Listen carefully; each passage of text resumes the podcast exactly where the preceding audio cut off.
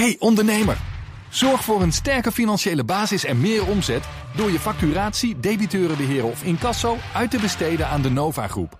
De Nova Groep? Ja, de Nova Groep. Kijk op novagroep.nl. Heb jij de BNR-app al? Met breaking news en live radio? Download de app en blijf scherp. BNR Nieuwsradio. The Big Five. Art Rooijakkers. Terwijl de reisbranche wil groeien en wij massaal op vakantie willen, moet Schiphol krimpen. Dat is niet het enige probleem waar de luchtvaartsector mee kampt. Personeelstekort en een gebrek aan vliegtuigen zorgen ook regelmatig voor het uitvallen van vluchten.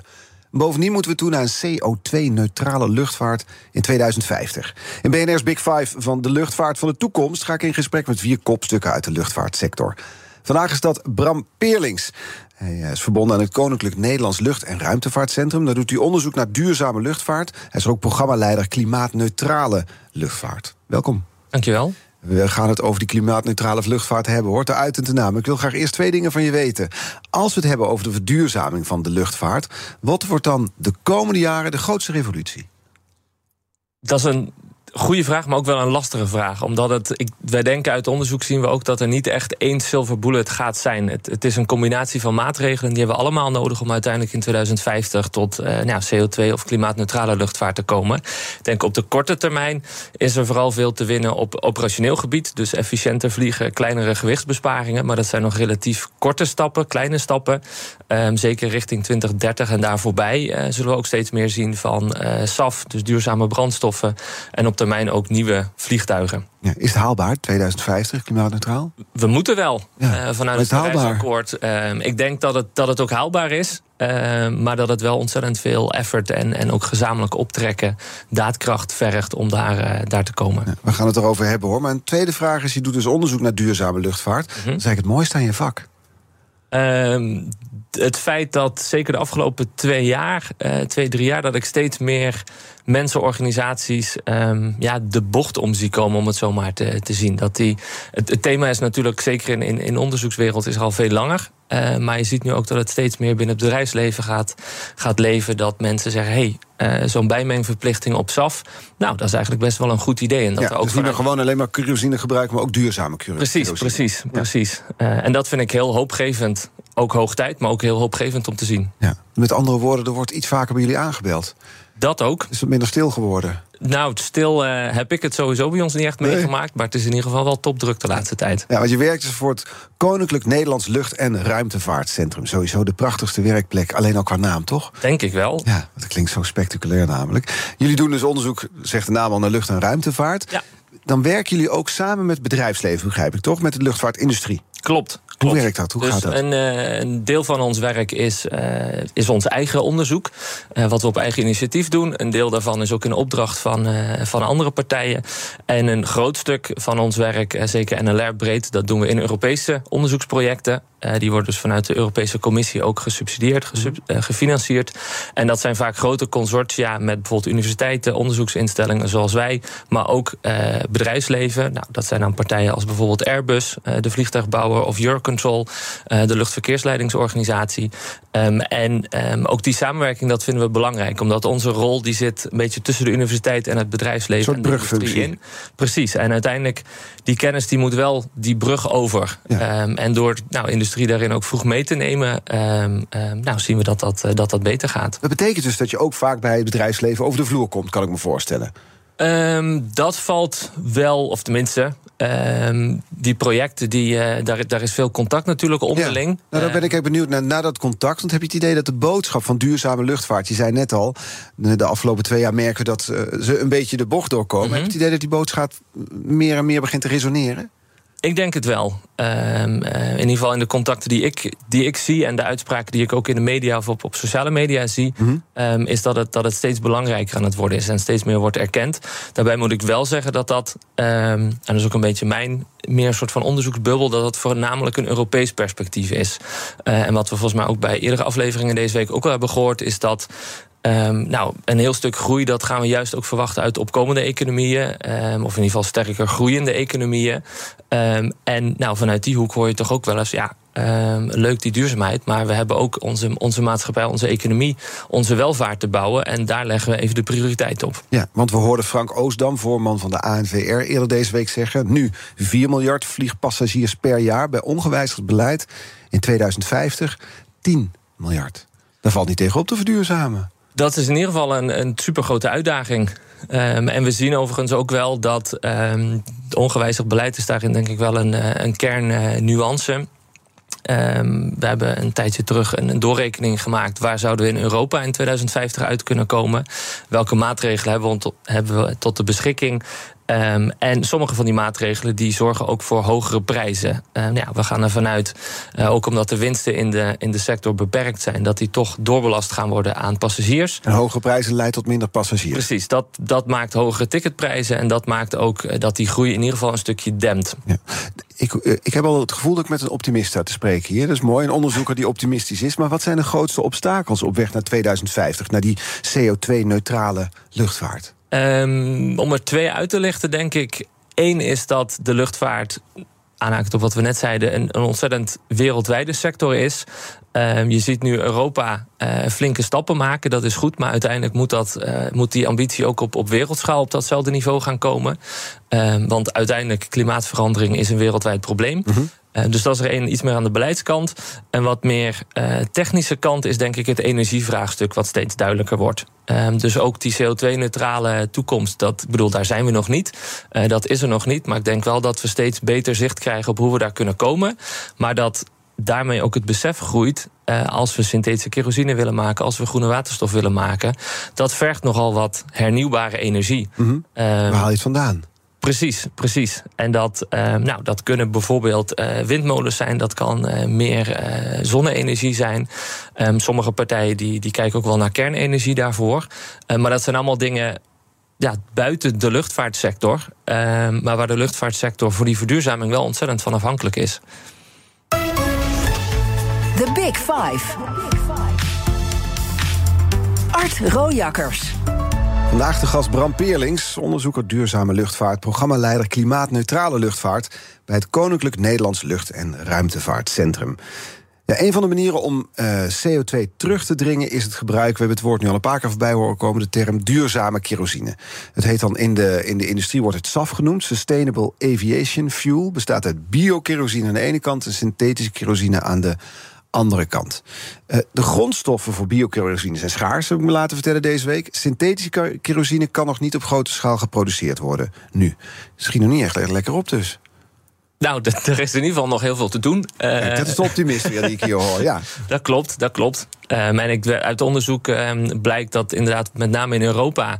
Um, dat, dat we verwachten dat die biomassa... en dan hebben we het wel echt over specifiek duurzame biomassa... dus echt reststromen, afvalproducten. We hebben het bijvoorbeeld over frietvet, zoiets simpels als dat, toch? Precies, dat is er één. Maar ook eventuele resten uit, uit houtbouw, dat soort, dat soort dingen.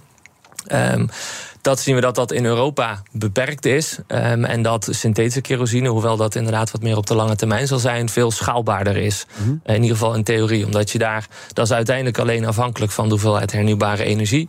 Uh, dat gebruik je om groene waterstof te maken. Uh, zoals nou, uh, we, we veel breder intussen horen. En ook om CO2 uit de lucht te halen. Vervolgens kun je dat weer combineren. De, de koolstof uit de CO2, de waterstof. Nou, uit de waterstof. En daar kun je dan weer koolwaterstoffen van maken, ja. zoals kerosine. We gaan naar de kettingvraag toe. Gisteren was mijn gast Corendon-topman Steven van der Heijden. Die had een vraag die hierbij aansluit. Luister mee. Ik vind het ongelooflijk belangrijk, die Sustainable Aviation Fuels... dat we daar echt ons volop op concentreren. En mijn vraag aan hem is, wat moeten we doen, we als Nederland, als overheid... om die Sustainable Aviation Fuels uh, snel en betaalbaar beschikbaar te krijgen... op afzienbare termijn? Wat moeten we doen?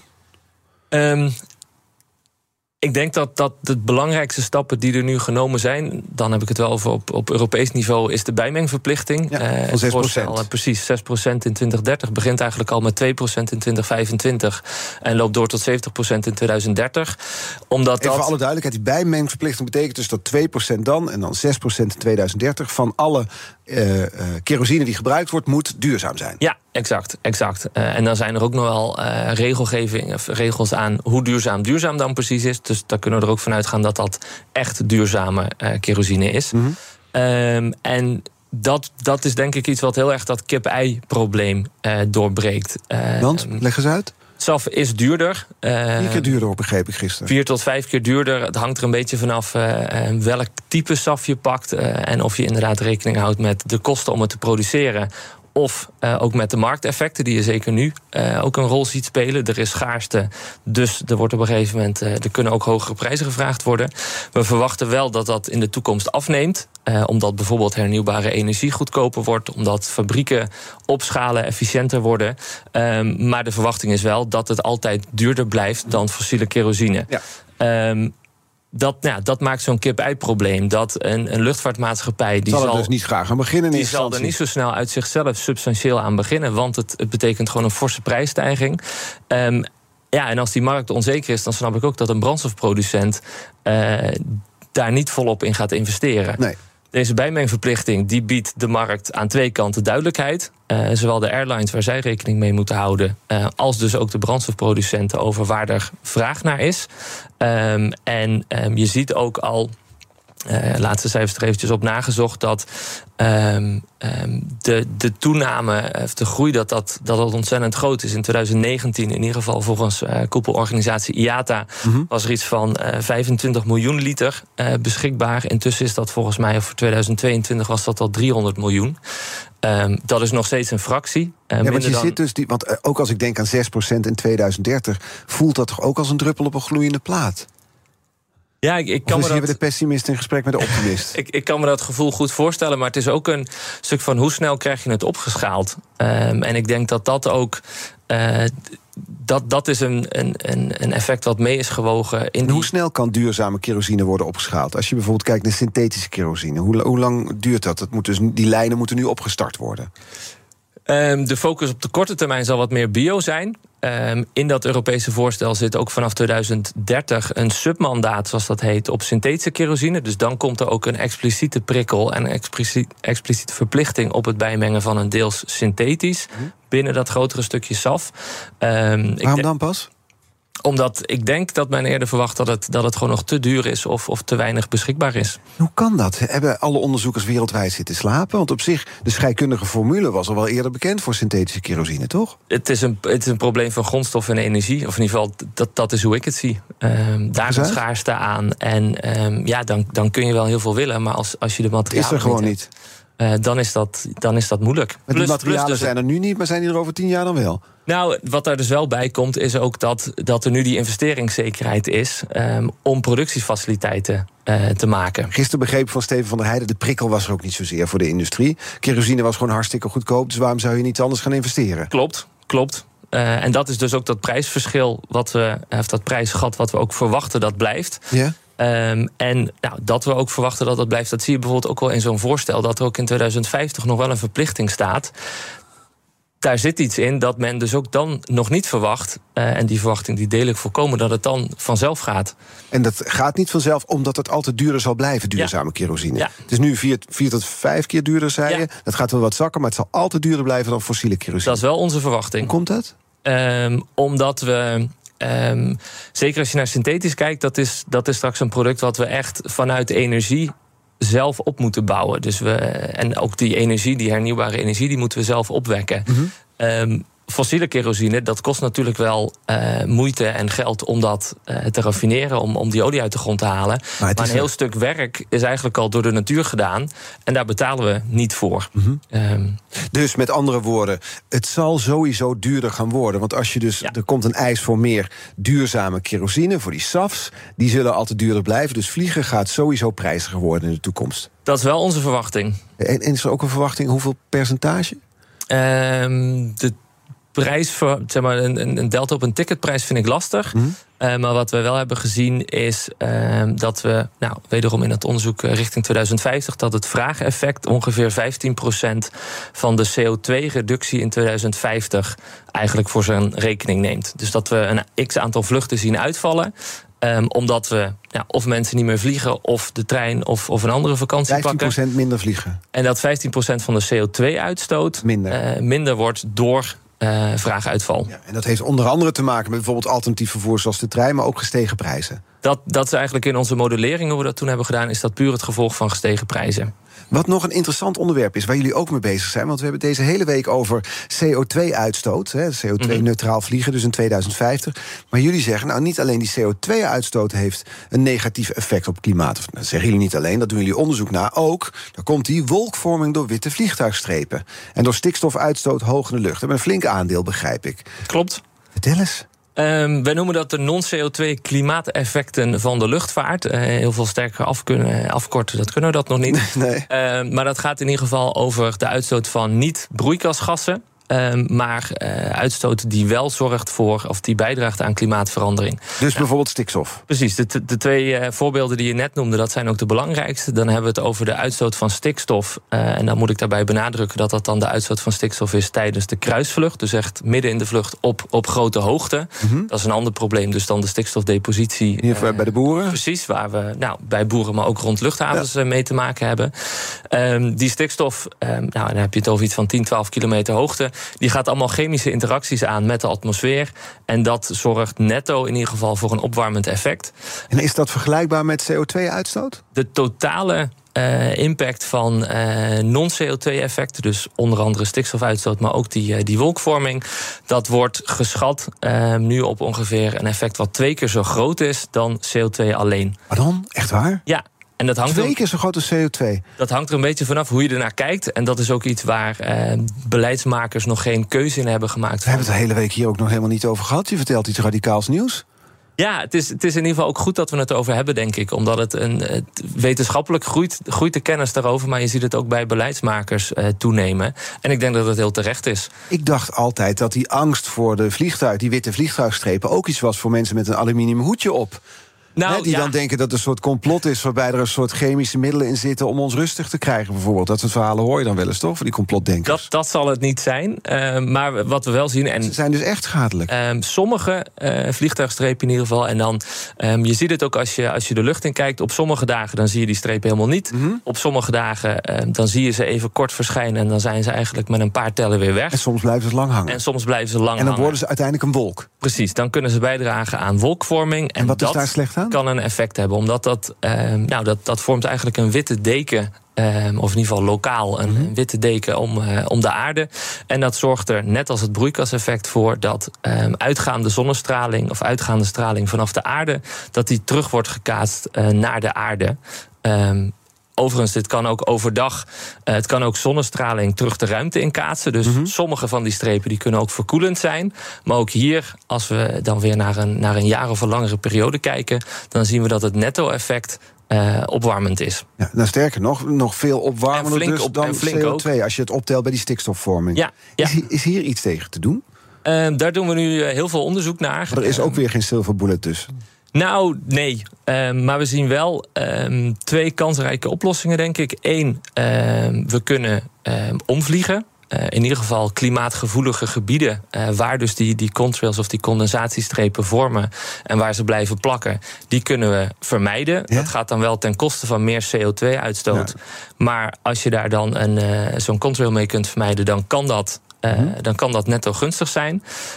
Dat is één, één optie. Een andere en dat, daar is het onderzoek nog echt beginnend.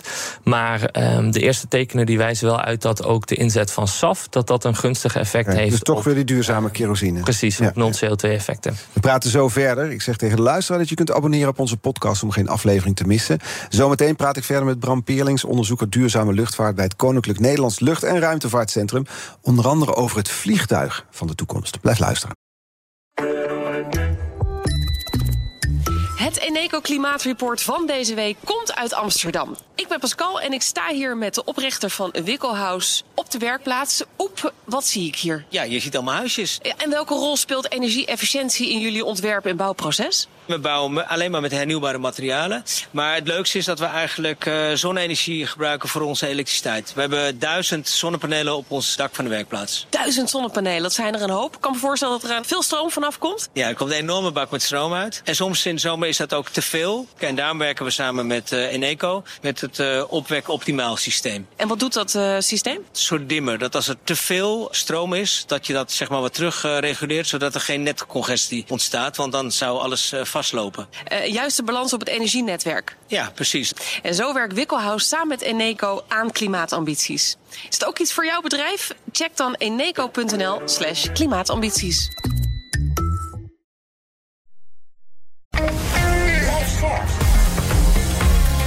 BNR Nieuwsradio. The Big Five. Art Rooijakkers. Welkom bij tweede half uur. Deze week vier kopstukken, want aan het begin van de week was Pinksteren... over de toekomst van de luchtvaart. Eerder deze week sprak ik met Corendon topman Steven van der Heijden... over wat de mogelijke krimp van Schiphol voor de reisorganisatie betekent. Terug te luisteren via de BNR-app. Vandaag de gast Bram Peerlings, onderzoeker duurzame luchtvaart... en programmaleider klimaatneutrale luchtvaart... bij het Koninklijk Nederlands Lucht- en Ruimtevaartcentrum. En komend half uur gaan we nog twee onderwerpen sowieso bespreken. Wat het kost om de luchtvaart te verduurzamen... en hoe het vliegtuig van de toekomst eruit ziet. Het is een beetje een jongensboek, dat laatste, dus laten we daarmee beginnen. Leuk. Ja, want eh, als het gaat om verduurzaming... wordt er ook gekeken naar nieuwe vliegtuigontwerpen. Ik zag nou ja, beelden en plaatjes voorbij komen. Een soort schetsen van KLM en Airbus... die het Flying V-project van de TU Delft steunen. Dus, ja, als, jij kan het beter omschrijven dan ik, denk ik, hoor. Maar het is een vliegtuig in de vorm van een V... en er zitten passagiers als het ware in de vleugels. En ja, dat zou dan 20% minder brandstof verbruiken. Klopt. Hoeveel belovend is dat project? Um, ik denk dat het in ieder geval supergoed is dat er ook naar dit soort configuraties uh, wordt gekeken. Um, en het volste vertrouwen dat dat soort schattingen bij de TU dat die, dat die op orde zijn. Ja. Um, wat dacht je toen je dat ontwerp zag? In ieder geval heel wat anders. Um, wat, ik, wat ik zelf wel leuk vind, is dat, ze, um, dat die efficiency winst, of in ieder geval zoals ik het begrijp, dat ze dat puur baseren op de, uh, de verbetering in aerodynamica. En dat het dus niet is, nou, we, we halen 20 of 30 of x procent en uh, eigenlijk het gros daarvan komt uit de motor. Ja. Daar is ook nog best wel wat te winnen. Dat is ook een absoluut een belangrijk component. Maar ik denk dat dit, dit project en dit onderzoek heel goed laat zien wat er op aerodynamisch vlak ook nog kan. Um, aan de andere kant is het wel ook een, ja, echt een, een, een radicaal, uh, radicale configuratie. Uh, waarvan ik niet weet of die er voor 2050 uh, al vliegt. Nee. Um, en sterker nog. Um, om in 2050 een, als nieuw vliegtuig zeg maar, een substantiële impact te maken, dan heb je het eigenlijk over toestellen die nou, 2035 wel op de markt moeten zijn. Dat is wel heel snel, uh, dat is over 12 jaar al. Precies, en dan moet je je productontwikkeling 2030 beginnen. Dus dan heb je nou, nog uh, zeven jaar voor de, de fundamentelere technologieontwikkeling. Um, nou, en zeker dat is een, een tijdslijn um, dat me voor zo'n project uh, ambitieus lijkt. Ja, jij bent een positieve wetenschapper. Het is fijn om mee te luisteren, maar nu denk je van ja, dit gaat te snel. Ja, voor in ieder geval voor 2050 wel. En Ja. dat, dat maakt de ontwikkeling niet minder relevant. Nee, dus, maar dit gaat niet voor de revolutie voor 2050 zorgen, dit soort experimenten. Dat, dat denk ik niet. En ik, ik denk ook dat, u, wat ik straks ook al zei, de revolutie, ik denk dat die er überhaupt niet is. We hebben het echt van.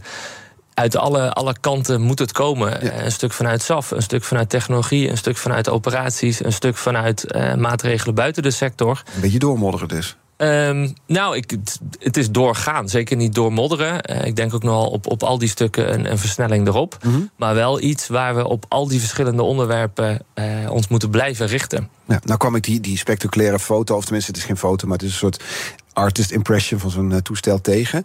Uh, zijn er andere initiatieven, dus daar raakte ik door getriggerd, maar zijn er initiatieven waar jij nou lettend, uh, die je nou lettend in de gaten houdt? Um, collega's van mij die, die zich nog iets meer op, op vliegtuigconfiguraties en dat soort projecten richten, die kijken inderdaad ook wel naar um, um, flying wings of blended wing bodies. Blended wing bodies. Ja, dan heb je een, nou, zoals de naam al zegt, dan heb je eigenlijk een, een vliegtuig waarin de romp, uh, dus de body en de, de vleugels, in elkaar overvloeien. Dus dan krijg je, dat ziet er eigenlijk een beetje uit als zo'n Flying V, maar dan zonder de, ja, zonder de inkeping zeg maar in de bovenkant van de V.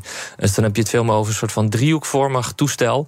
Uh, nou, ook dat. Als een, als een geodriehoek. Bijna. Um, en dan goed, de precieze hoeken en de precieze vorm, nee, dat, uh, ja. dat verschilt, maar een beetje dat idee. Dat is de, Star, de Starship Enterprise waar we het nu over hebben, zo'n beetje.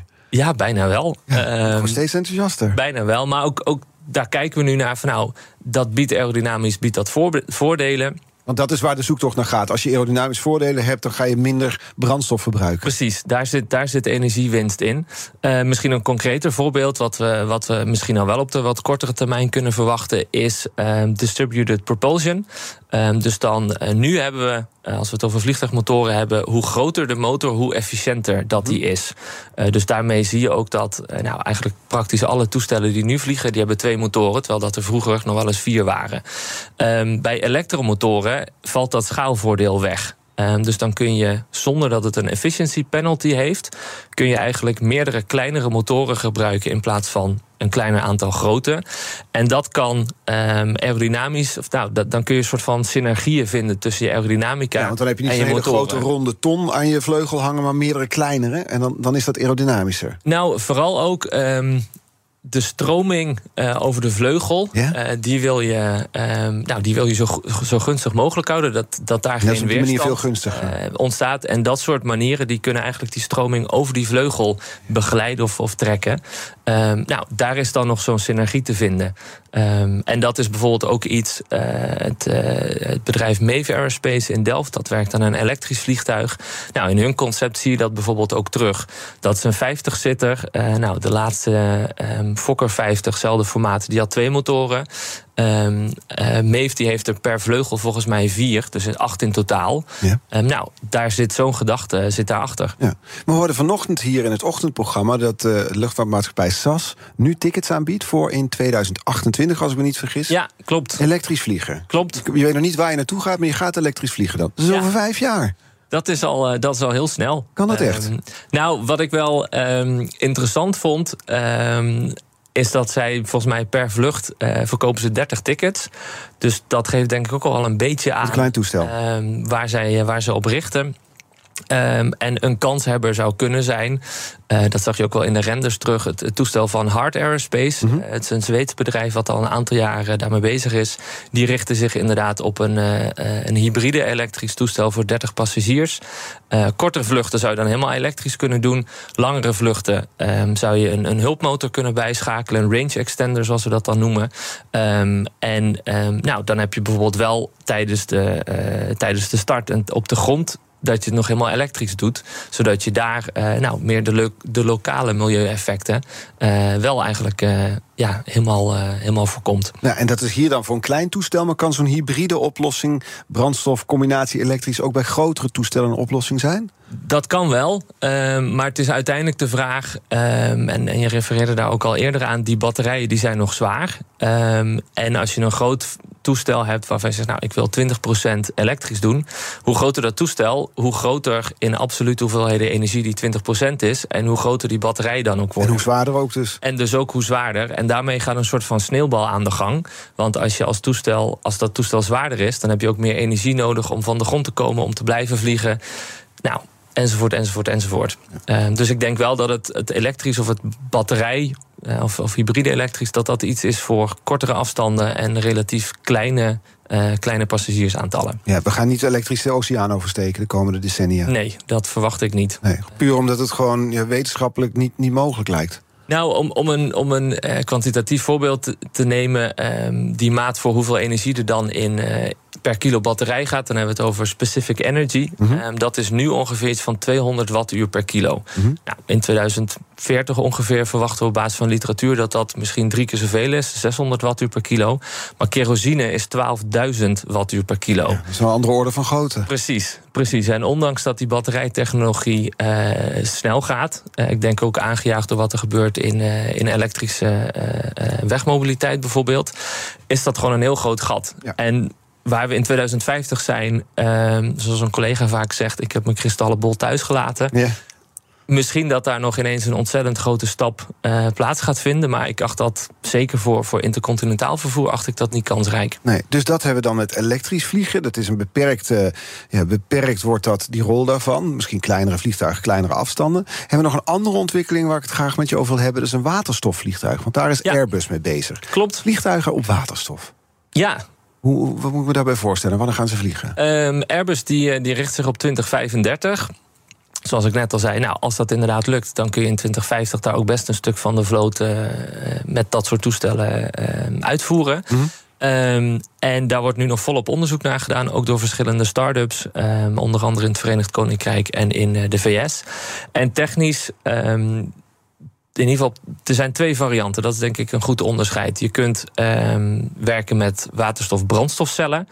Ehm, dus dan heb je waterstof, die stop je in een brandstofcel, daar komt elektriciteit uit.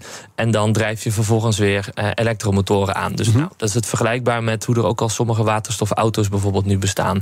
Um, daarmee um, heb je wel de alle efficiënties van zo'n elektrische aandrijflijn.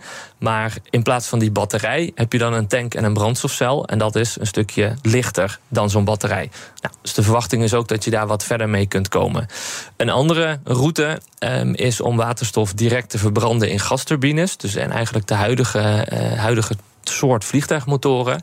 Um, dan heb je nog steeds geen CO2-uitstoot. Uh, eh, dus dat, dat ben je helemaal kwijt. Ja. Maar daarmee komt nog wel bijvoorbeeld uh, stikstof uh, vrij. En er komt ook water dan bij vrij. Dus die non-CO2-effecten, daar ben je dan nog niet helemaal vanaf. Nee, en wat ik begrijp is, wat, wat wel ook nog een struikelblok is... is dat bij kerosine wordt de tank steeds lichter naarmate je verder vliegt. Dan gaat het verbruik gedurende de vlucht dus omlaag. Ja. Waterstoftank is veel zwaarder. Klopt. En dat is dus ook nog een van de dingen waar, waar veel onderzoek naar gedaan wordt en ook nodig is. Um, waterstof aan zich, als je kijkt naar de moleculen, en dan hebben we het in dit geval over vloeibare waterstof. Dus dat is waterstof op min 251 graden Celsius of zoiets. Mhm. Ehm, maar daarmee een, een stuk compacter uh, dan gasvormige waterstof. Dat moet dus een goed geïsoleerde tank zijn. Um, en ja, de, de gravimetric index, uh, zoals we dat dan noemen, en dat is eigenlijk het, de verhouding van hoeveel is je brandstof ten opzichte van de combinatie tank plus brandstof. Ja. Um, nou, dat wil je natuurlijk zo hoog mogelijk. Ja. Um, maar, nou, is daar minder voordelig? Dat, ja, omdat je dus een veel moeilijker tank uh, eigenlijk hebt. Ja, en wat ik begrijp is dat wij hier in Europa wel bezig zijn met waterstof. We zijn erover nadenken. Het is niet voor niks Airbus wat je noemt. Maar dat het in Azië of Amerika een stuk minder is. En je moet toch ook weer terugkomen met je vliegtuig. Klopt. Dus je moet daar kunnen tanken. Klopt. Dus dat is ook wel iets. Uh, waterstof, wij zien dat vooral voor intra-Europees vervoer. Uh, en inderdaad, een heel belangrijke achtergrond daarbij is dat we in, in heel Europa nou, steeds meer aandacht zien, zien komen voor waterstof. Uh, in Nederland, maar ook, ook op Europees niveau. Ja. En dat we daarmee ook wel wij het waarschijnlijk achter dat die waterstof-economie voldoende ontwikkeld is om als luchtvaart gebruik van te maken. Want maar voorlopig wel binnen Europa dus? Ja, zowel qua afstanden. Want mm -hmm. hoe verder je gaat vliegen, hoe meer waterstof je nodig hebt, hoe groter de tank. Op een gegeven moment. Um, hetzelfde verhaal als bij elektrische accu's. Precies, op een gegeven moment gaat die sneeuwbal toch wel weer rollen. Ja. Uh, en kan je beter zeggen: we pakken synthetische kerosine. Uh, dat is dan qua productieproces misschien wat minder efficiënt. Maar op een gegeven moment nou, weegt dat daar tegenop. Ja. Um, en een ander punt is inderdaad. Um, we verwachten niet dat de luchtvaartsector, als die in zijn eentje zegt: we gaan op waterstof, dat dat ineens een hele waterstofeconomie van de grond trekt. Hey ondernemer, zorg voor een sterke financiële basis en meer omzet door je facturatie, debiteurenbeheer of incasso uit te besteden aan de Nova Groep. De Nova Groep? Ja, de Nova Groep. Kijk op novagroep.nl. Zeg ZZP'er, heb je nou nog steeds geen arbeidsongeschiktheidsverzekering? Insafai heeft de AOV die wel betaalbaar is. In 15 minuten geregeld, 100% online. Ga naar insafai.nl slash radio. Vandaag geregeld is morgen verzekerd. BNR Nieuwsradio. The Big Five. Art Rojakkers. Met vandaag de gast Bram Peerlings. Hij is onderzoeker duurzame luchtvaart bij het Koninklijk Nederlands Lucht- en Ruimtevaartcentrum. Waar jullie onderzoek doen naar die duurzame luchtvaart in 2050. Ik zou de luisteraar die nu eh, aan het wandelen is door zijn huis, of uh, misschien ergens in het park, willen aanraden om even te gaan zitten. Want er komt een schokkend cijfer. Jullie hebben uitgerekend wat het gaat kosten om in 2050 klimaatneutraal luchtvaart te hebben. Hou je vast, een investering van 820 miljard euro. Klopt. Dat is overigens wel CO2-neutrale lucht. CO2-neutraal, excuus. CO2-neutraal. Want dat is dan nog niet eens klimaatneutraal. Want we hebben het net al over die wolken gehad en over die stikstofvormen. Precies. CO2-neutraal. 820 miljard euro. Ja. Wat is de grootste kostenpost behalve jullie onderzoek? Nou, dat viel, eh, dat viel daar absoluut in mee. Uh, wel goed om ook dit, dit cijfer wat in context te plaatsen. Dit, uh, dit geldt voor eigenlijk heel Europa. we hebben in een onderzoek gekeken naar alle vluchten die vanaf een Europese luchthaven vertrekken. Dus dan hebben we het over zowel intra-Europees verkeer, maar ook de vluchten van bijvoorbeeld Amsterdam naar New York. daarvoor zien wij dat netto nul CO2-uitstoot in 2050 mogelijk is. En daar is dit inderdaad de, de benodigde investering voor. het gros daarvan zit in eigenlijk de meerprijs van SAF, waar we het eerder al over hadden. Ja, duurzame kerosine. Precies. Um, daarnaast, en dat is ongeveer een kwart van dit stuk, um, onderzoek in vliegtuigontwikkeling, um, nieuwe generatie vliegtuigen. En uh, wat we ook verwachten is dat die nieuwe generatie vliegtuigen dan een stukje duurder gaat zijn. Want? Ja, meer geavanceerdere technologie. Alles wordt duurder, dus ook vliegtuigen. Grotere, grotere stappen. Uh, en uh, ja, uh, dat, dat drijft de prijzen op, is in ieder geval de verwachting. Um, en daarnaast nog een stukje negatieve emissies.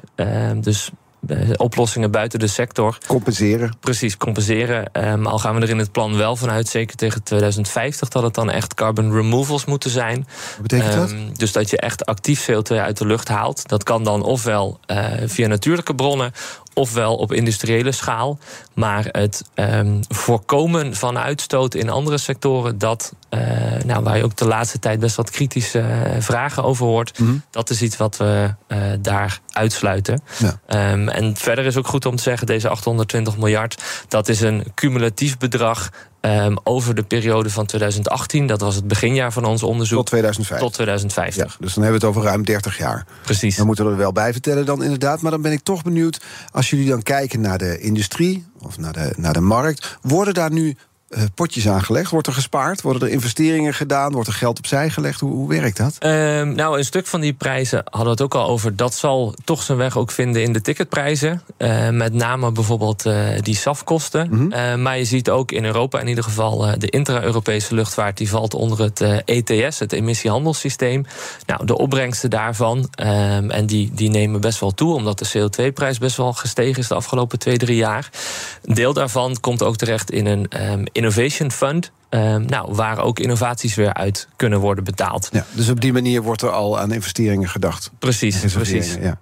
We hadden het al over, daar begonnen we dit uur mee. De silver bullet is er niet. Er is niet ergens één technische oplossing die het allemaal mogelijk gaat maken om klimaatneutraal te vliegen in 2050. Het moet van allerlei verschillende aspecten komen. Waterstof hebben we besproken, we hebben elektrisch vliegen besproken, vliegtuig van de toekomst besproken, we hebben synthetische en biokerosine besproken. Uh, er is van alles voorbij gekomen in dit gesprek vraag het toch nog een keer. Op welk paard moeten we uiteindelijk wedden? Of is het echt een samenspel? Het is, het is echt het samenspel. En um, SAF, nou, dat is uiteindelijk uh, is daar toch een beperking aan grondstof en energie. Dus, dus dat kan het niet 100% zijn. Nieuwe vliegtuigen. Um, ja, ook dat wat ik straks al zei. Waterstof op de lange afstand. Um, dat, dat zal ook voor 2050, uh, uh, denk ik, een, een beperkte rol spelen. Of misschien zelfs wel helemaal geen rol. Um, vlootvernieuwing is iets wat, wat we continu moeten blijven doen. Het is ook goed om te zien dat onder andere KLM daar eh, best wel stappen weer in aan het zetten is. Maar ja, vliegtuigen in ieder geval in Europa blijven ze gemiddeld iets van 22, 23 jaar um, vliegen. Um, totale levensduur is vaak uh, tegen de 30 jaar. Ja, dan zie je dus ook alles wat nu uit de fabriekspoorten komt. Uh, goede kans dat die in 2050 weliswaar de laatste jaren, maar toch nog wel vliegen. Ergens in de lucht hangt. Precies, en ja, dat is iets wat, wat niet op waterstof gaat zijn. Um, Vandaar dat je soms als je in een vliegtuig zit... nog wel die, bro, uh, die, die dingen nog wel eens een asbak ziet in de wc. Dat is nog uit de tijd dat er wel gerookt mag worden aan boord. Ja, en dan zou ik zeggen, laten we die er in ieder geval... want dat is dan wel iets wat we op korte termijn kunnen doen. Laten we allemaal dat soort overbodige dingen...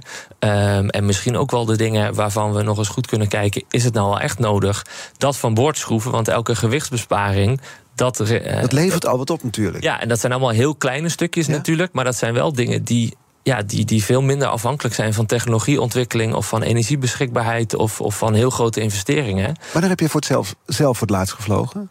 Vorig jaar. En is, zit je dan in zo'n vliegtuig de hele tijd te kijken van dit zou anders kunnen, dat zou anders kunnen, haal dit eruit, dit doe dit erbij? Valt, valt wel mee. Um, ik, uh, wij werken ook wel mee aan een initiatief van SkyTeam. Uh, de Sustainable Flight Challenge. Uh, dat is in ieder geval binnen de luchtvaart en media best wel wat in het nieuws geweest de afgelopen tijd. En dat is een, um, een soort van wedstrijd, of in ieder geval een competitie. Mm -hmm. um, tussen luchtvaartmaatschappijen wereldwijd. om ja, de perfecte duurzame vlucht te opereren. Ja. nou, dat zijn op nog dit moment? Op dit moment. Dat zijn nog allemaal individuele vluchten. Ehm, maar dat stimuleert die, die airlines wel ehm, om ja, om, om, om eigenlijk alles eruit te halen. Om... En hoe, hoe kun je dat bijvoorbeeld voor elkaar boksen dan? Zo'n, zo'n nou, er zijn, er zijn partijen die dan ehm, toch nog wat verder uh, op SAF gaan. Of misschien airlines die dat zelf niet doen. Die nu zeggen, hé, hey, ik, ik ga dat toch nog eens een keer proberen. En ik ga mhm. die contacten proberen te leggen. Um, er zijn uh, luchtvaartmaatschappijen die uh, veel meer tijd in hun vluchtplanning steken. Die afspraken proberen te maken met luchtverkeersleiding. Om nou, net een efficiëntere route of te zorgen dat zij wat, wat voorrang krijgen. Ja. Um, als er ergens wat ruimte ontstaat. Maar ook gewichtsbesparingen, uh, dat, dat is daar een onderdeel van. Mm, mm. Het duurt dus echt nog wel een poos voordat de luchtvaart echt duurzaam is. Kunnen we wel concluderen, ook ja. net dit gesprek. Ja. Dan zeggen klimaatactivisten, de enige medie is dus minder vliegen. Ja, dat vind ik een. Ik, ik vind dat een lastige. Ik, ik, snap die, ik snap die roep. Ik denk dat we um, kritischer moeten kijken hoe we reizen. En misschien ook wel of we reizen. Um, maar dat we dat breder moeten zien dan, um, dan alleen luchtvaart. Mm um, en ja, het is ook wel iets waar ik persoonlijk nog, nog soort van mee worstel. Van, nou, wat vind ik zelf een verantwoorde hoeveelheid uh, vluchten? Um, of als ik dan in het vliegtuig stap, hoe lang wil ik dan ergens op bestemming zijn om te zeggen, nou, dit. Dit was de moeite waard. Dit was, dit was de moeite waard. Ja. En dat zijn best lastige afwegingen. Ehm, Heb je daar een antwoord voor jezelf op geformuleerd? Of is dat iets wat je continu bijstelt? Nee, dat, dat is nog een beetje groeiend. Ik uh, in ieder geval um, vorig, dit jaar nog niet gevlogen. Vorig jaar één keer, het jaar daarvoor ook één keer. Dus ik, ik probeer dat wel nou, tot één vlucht per jaar te beperken. Um, en ik ben nog een beetje aan het dubben van ja, wanneer, hoe, hoe lang moet ik in de VS zijn? Mag ik, of ja, eh, mag ik van mezelf naar de VS voor één week of voor twee of voor drie weken? Ben ik nog niet uit. Um, maar ik denk dat dat wel iets is wat, wat veel meer mensen, misschien ook wel bedrijven, zouden, zouden moeten doen. Van nou, wanneer voegt dat iets toe? Um, en, um, Daar in ieder geval kritisch over nadenken. Precies, ja. precies. Volgende week hebben we een hele andere week hier in BNR's Big Five. Mijn collega Diana Matroos gaat dan spreken met die documentairemakers. Met, uh, maandag is het China-expert Ruben Terlouw. Um, jij mag hem een vraag stellen, een kettingvraag. Ja, um, dat was best een, een lastig. Ik dacht, ik kan iets met iets makkelijks komen over luchtvaart... maar laat ik dat vooral niet doen. Mm -hmm. Um, wat ik een interessante vind, in mijn werk in ieder geval merk ik uh, zeker bij de interpretatie en bij de duiding van onderzoeksresultaten dat er vaak best meerdere kanten, meerdere perspectieven zijn. Um, en ik ben eigenlijk wel benieuwd hoe hij daarmee omgaat um, in, zijn, uh, in zijn documentaires. Dus met meerdere kanten hoe je interpreteert wat je tegenkomt. Nou, precies. En in ieder geval um, uitgaande dat, dat, uh, dat je toch de objectiviteit en de, um, de onafhankelijkheid nastreeft. Um, hoe ga je dan om met die verschillende invalshoeken en verschillende perspectieven? Nou, Diana Matroos gaat het hem voorleggen. Volgende week, dus een interessante week. BNR's Big Five van de documentairemakers. Dit was een slotgesprek van eh, de Big Five over de toekomst van de luchtvaart. Ik sprak met Bram Peerlings, onderzoeker duurzame luchtvaart... bij het Koninklijk Nederlands Lucht- en Ruimtevaartcentrum. Onze afleveringen die zijn terug te luisteren als podcast. Je kunt je abonneren via onze app of je favoriete podcastkanaal... hoef je geen aflevering te missen. En nu dus op deze zender BNR Breekt, Conor Klerks. Fijn weekend alvast. Hey ondernemer! Zorg voor een sterke financiële basis en meer omzet door je facturatie, debiteurenbeheer of incasso uit te besteden aan de Nova Groep. De Nova Groep? Ja, de Nova Groep. Kijk op novagroep.nl.